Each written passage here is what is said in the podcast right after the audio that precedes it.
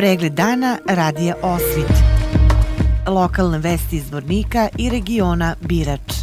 Pratite pregled dana za 12. februar 2024. godine. Gradonačelnik Zvornika Bojan Ivanović danas je u gradskoj upravi grada Zvornika potpisao protokol o saradnji sa profesorom doktorom Goranom Markovićem, dekanom Pravnog fakulteta Univerziteta u Istočnom Sarajevu. Gradonačelnik Ivanović rekao je da protokol podrazumeva da studenti iz grada Zvornika koji studiraju na Pravnom fakultetu u Istočnom Sarajevu tokom studija mogu da obavljaju praktičnu nastavu u jedinicama lokalne samouprave u svom gradu. Bojan Ivanović. Evo upravo smo potpisali protokol o saradnji sa pravnim fakultetom univerziteta u istočnom a, Sarajevu. Protokol podrazumijeva da studenti iz grada Zvornika koji studiraju na pravnom fakultetu tokom studija mogu da obavljaju praktičnu nastavu u jedinici lokalne samouprave svoga grada, znači Zvornika, kao i javnih ustanova u našem gradu i time će, pored nekog svog teorijskog znanja koje stiču, ostvariti praktično znanje i sutra biti da kažemo, kvalitetnija radna snaga na uh, tržištu rada. Također ovaj protokol podrazumijeva da će pravni fakultet pružiti i stručne usluge našem gradu ono, u onoj oblasti koja nam bude trebalo kako bi, da kažem, pružili kvalitetnije usluge našim sugrađanima. Dekan Pravnog fakulteta Univerziteta u Istočnom Sarajevu, dr. Goran Marković, rekao je da na Pravnom fakultetu Univerziteta u Istočnom Sarajevu trenutno ima oko 50 studenta iz Zvornika. Dr. Goran Marković. Smatramo da je zaključivanje ovog sporazuma vrlo značajno zbog toga što pravni fakultet drži do saradnje sa jedinicama lokalne samuprave. Grad Zvornik u tom smislu je vrlo značajan zbog toga što nije mali broj studenta koji su sa područja grada Zvornik koji studiraju na pravnom fakultetu. Na ovaj način želimo da pružimo mogućnost studentima da prođu studentsku praksu u gradskoj upravi i u javnim ustanovama na području grada Zvornik. A, isto tako želimo na ovaj način da a, pružimo ruku saradnje a, gradskoj upravi i da a, kao pravni fakultet a, pomognemo u onoj mjeri u kojoj grad Zvornik ocjeni da je to potrebno a, davanjem pravnih savjeta, pravne ekspertize i saradnjom u svim onim segmentima koji su od zajedničkog interesa za grad Zvornik i pravni fakultet Univerziteta u Istočnom Sarajevu. Smatramo da je grad Zvornik vrlo važna jedinica lokalne samuprave za razvoj ovog dijela Republike Srpske, za ostanak mladih ljudi ovdje, pravni fakultet Univerziteta u Istočnom Sarajevu koji ima, kao što se zna, sjedište na Palama, ali i svoje odjeljenje u Bijeljini, upisom mladih ljudi iz istočnog i južnog dijela Republike Srpske pomaže da mladi ljudi ostanu u Republici Srpskoj, da je ne napuštaju.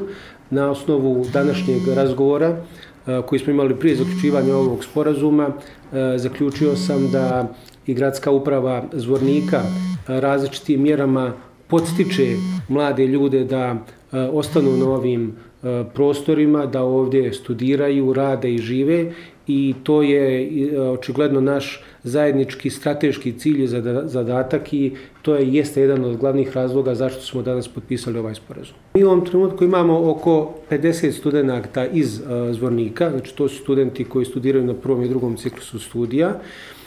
Mi inače smo do sada zaključili sporazume i sa, sa većinom jedinica lokalne samuprave na onih područjima gdje fakultet ima ili svoje sjedište ili odjeljenje ili pak odakle dolaze studenti. Dakle, mi smo do sada zaključili sporazume o saradnji i sa gradom Istočno Sarajevo, gradom Bijeljina, Brčko distriktom i sada gradom Zvornika. Mi smo sad u ovoj akademskoj godini, koja je još u toku, e, upisali 91 studenta. Ove godine smo tražili negdje oko 105 studenta.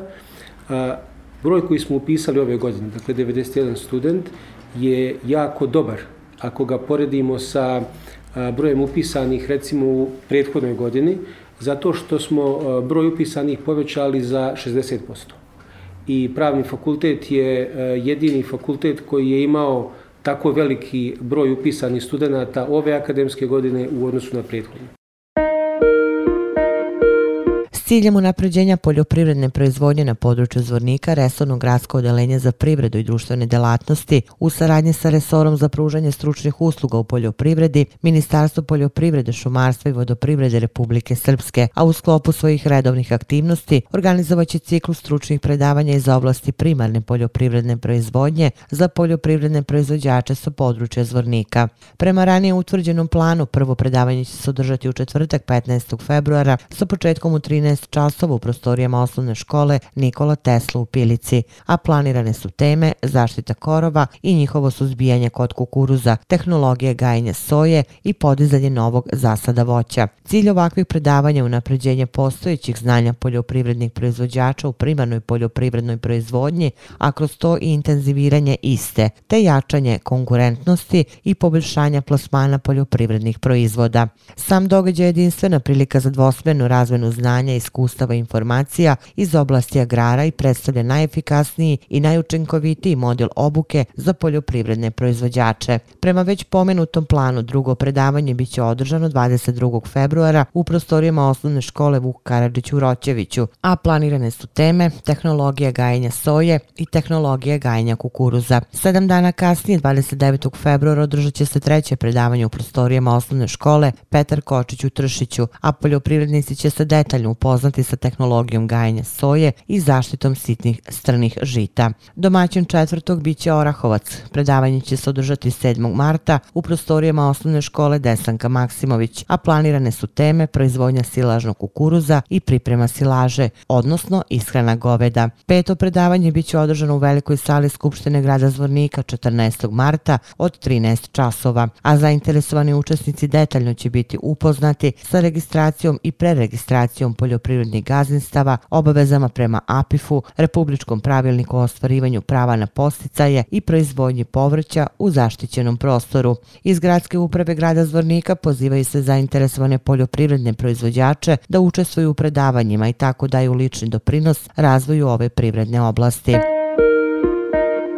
Oskrnavljena spomen ploča na Crnom vrhu kod Zvornika koja je postavljena u znak sećanja na 11 pripadnika Vojske Republike Srpske, policije i civila koje su muslimane iz Srebrenice ubili zasade 10. septembra 1992. godine. Ponovo je postavljena, a uskoro će biti i osveštana, rekao je Milivoje Marković, predsjednik gradske organizacije porodica zarobljenih i poginulih boraca i nestalih civila. Marković je podsjetio da su nepoznata lica 2. januara ove godine čvrstim predmetom razbila obnovila spomen ploču koja je postavljena na ovom mestu 2014. godine, te naveo da je četvrta po redu spomen ploča koja se postavlja na ovom lokalitetu.